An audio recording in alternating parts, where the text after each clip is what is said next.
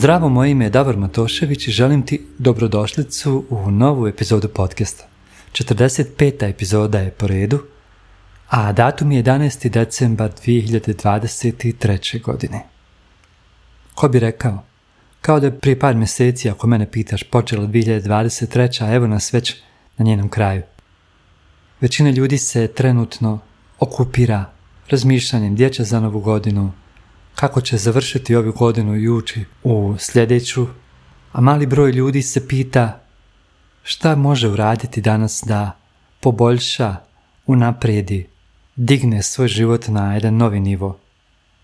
Čini mi se da su ljudi u Bosni i Hercegovini nekako najlošije prošli kada su se dijele karte u raspadu bivše Jugoslavije i sve ono što je nekada u Bosni bilo kao lijepo, kao standard, kao nešto što se, u što su se ljudi ugledali, kao da je rukom obrisano i sada ljudi ne znaju u koga pogledati, koga uzeti kao uzora, pa se onda okreću zapadnjačkim medijima, okreću se filmovima, okreću se muzičkim zvijezdama, okreću se političarima ili bilo kojoj poznatoj osobi koja je trenutno jel, u njihovom fokusu, ili se okreću Hrvatskoj Srbiji, gledaju neke ljude tamo kao svoje uzore i to je sasvim ok, jel? Svako ima pravo da traži inspiraciju i da traži neko znanje gdje god on to želi. No međutim, ja želim da kažem ljudima, pogotovo ljudima koji ovo slušaju, koji su iz Bosne i Hercegovine, da je Bosna, bez obzira na svoj loš imidž, ipak jedna jako lijepa zemlja. Jedna zemlja kakve zaista vjerujem da nema nigdje na svijetu. Pogotovo ako si tu rođen i rođena, vjerujem da osjetiš mnogo puta, bez obzira na neke i ružne stvari koje ti uđu u fokus, da osjetiš da tu ima i neke ljepote, da tu ima neke dubine mudrosti i da na kraju taj tvoj bosanski duh koji nosiš u sebi i kako ima svog odjeka u tvom životu i kako ima mjesta za njega i da je biti disciplinovan na bosanski način jedna posebna stvar. I ako uspiješ tu disciplinu unijeti u svoj život, u svoj posao, u svoje snove, u svoje želje. Stvarno, stvarno primjeniš tu disciplinu na ono što ti želiš da uradiš u životu, da će rezultati tvog discipliniranog života i rada biti umnogome veći nego ako to postigneš živeći na način na koji žive neki drugi ljudi koji nisu iz Bosne.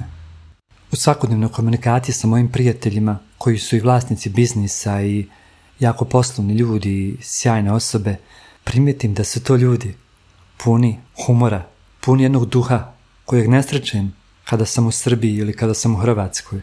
Nastrano na to što ja volim te tamo ljude i volim zaista njihovu prirodu i njihove stvari kojima se bave, ali nigdje ne osjetim taj jedan poseban duh kakav osjetim kada se družim sa prijateljima ovdje. Zato vjerujem da u 2024. godini ako nisi uspio ili uspjela da svoju disciplinu izguraš do kraja u ovoj godini, možeš to uraditi na jedan tako suptilno, autentičan i ranjiv način koji će prije svega ličiti na tebe, koji će imati veze sa tvojim životom, sa tvojim načinom odrastanja, ne sa načinom odrastanja neke tamo druge osobe s kojim se ti ne možeš nikada do kraja poistovjetiti jer niste živjeli iste života. I zato danas posjećam novu jednu disciplinu na način da živiš u skladu sa svojim identitetom. U skladu sa identitetom zemlje u kojoj si odrastao, bez obzira gdje se sada nalazio. To je nešto što ti nosiš u sebi i uvijek će biti dio tebe, bez obzira gdje kasnije otišao u životu ili otišla.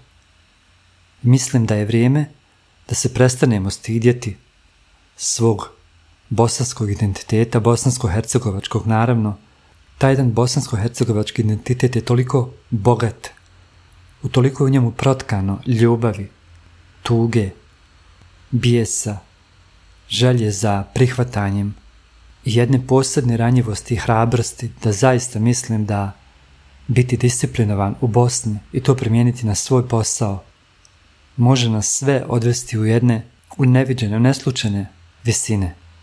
I zato ti želim da na kraju 2023. godine, a na početku 2024. osvijestiš sebi koliko lijepo što živiš ovdje gdje živiš, u Bosni i Hercegovini, u svom gradu, u svom selu, u svom malom ili velikom mjestu. I da se prestaneš stidjeti onoga koji jesi. I da shvatiš da je to što ti imaš jedno bogatstvo koje nema niko na ovoj planeti. I da će te to što ti imaš dovesti tamo gdje želiš i gdje će ti na kraju biti najljepše.